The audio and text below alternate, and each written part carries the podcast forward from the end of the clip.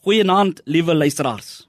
Iemand vertel die verhaal van Thomas van Kempis wat in die 15de eeu 'n boekie geskryf het met die titel Om die navolging van Christus.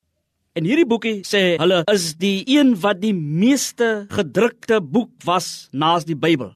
Die skrywer sê en ek haal aan Ons ontdek tog by Thomas die gevaar om die navolging van Christus te sien as 'n wegtrek uit die wêreld na 'n mystieke innerlike reis.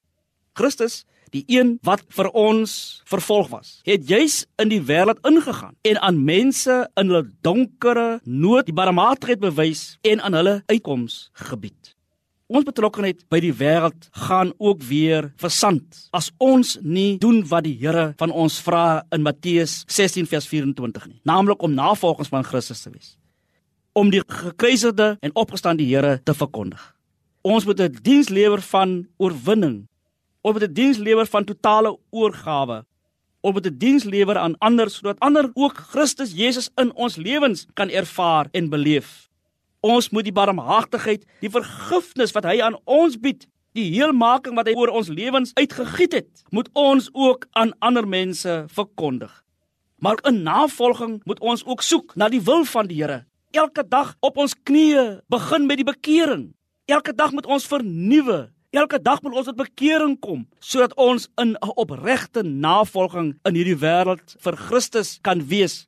Dit beteken ook die afsterwe van die ou mens sy planne, ons planne, die agendas wat ons in ons eie lewens het. Kom ons kyk na Christus Jesus.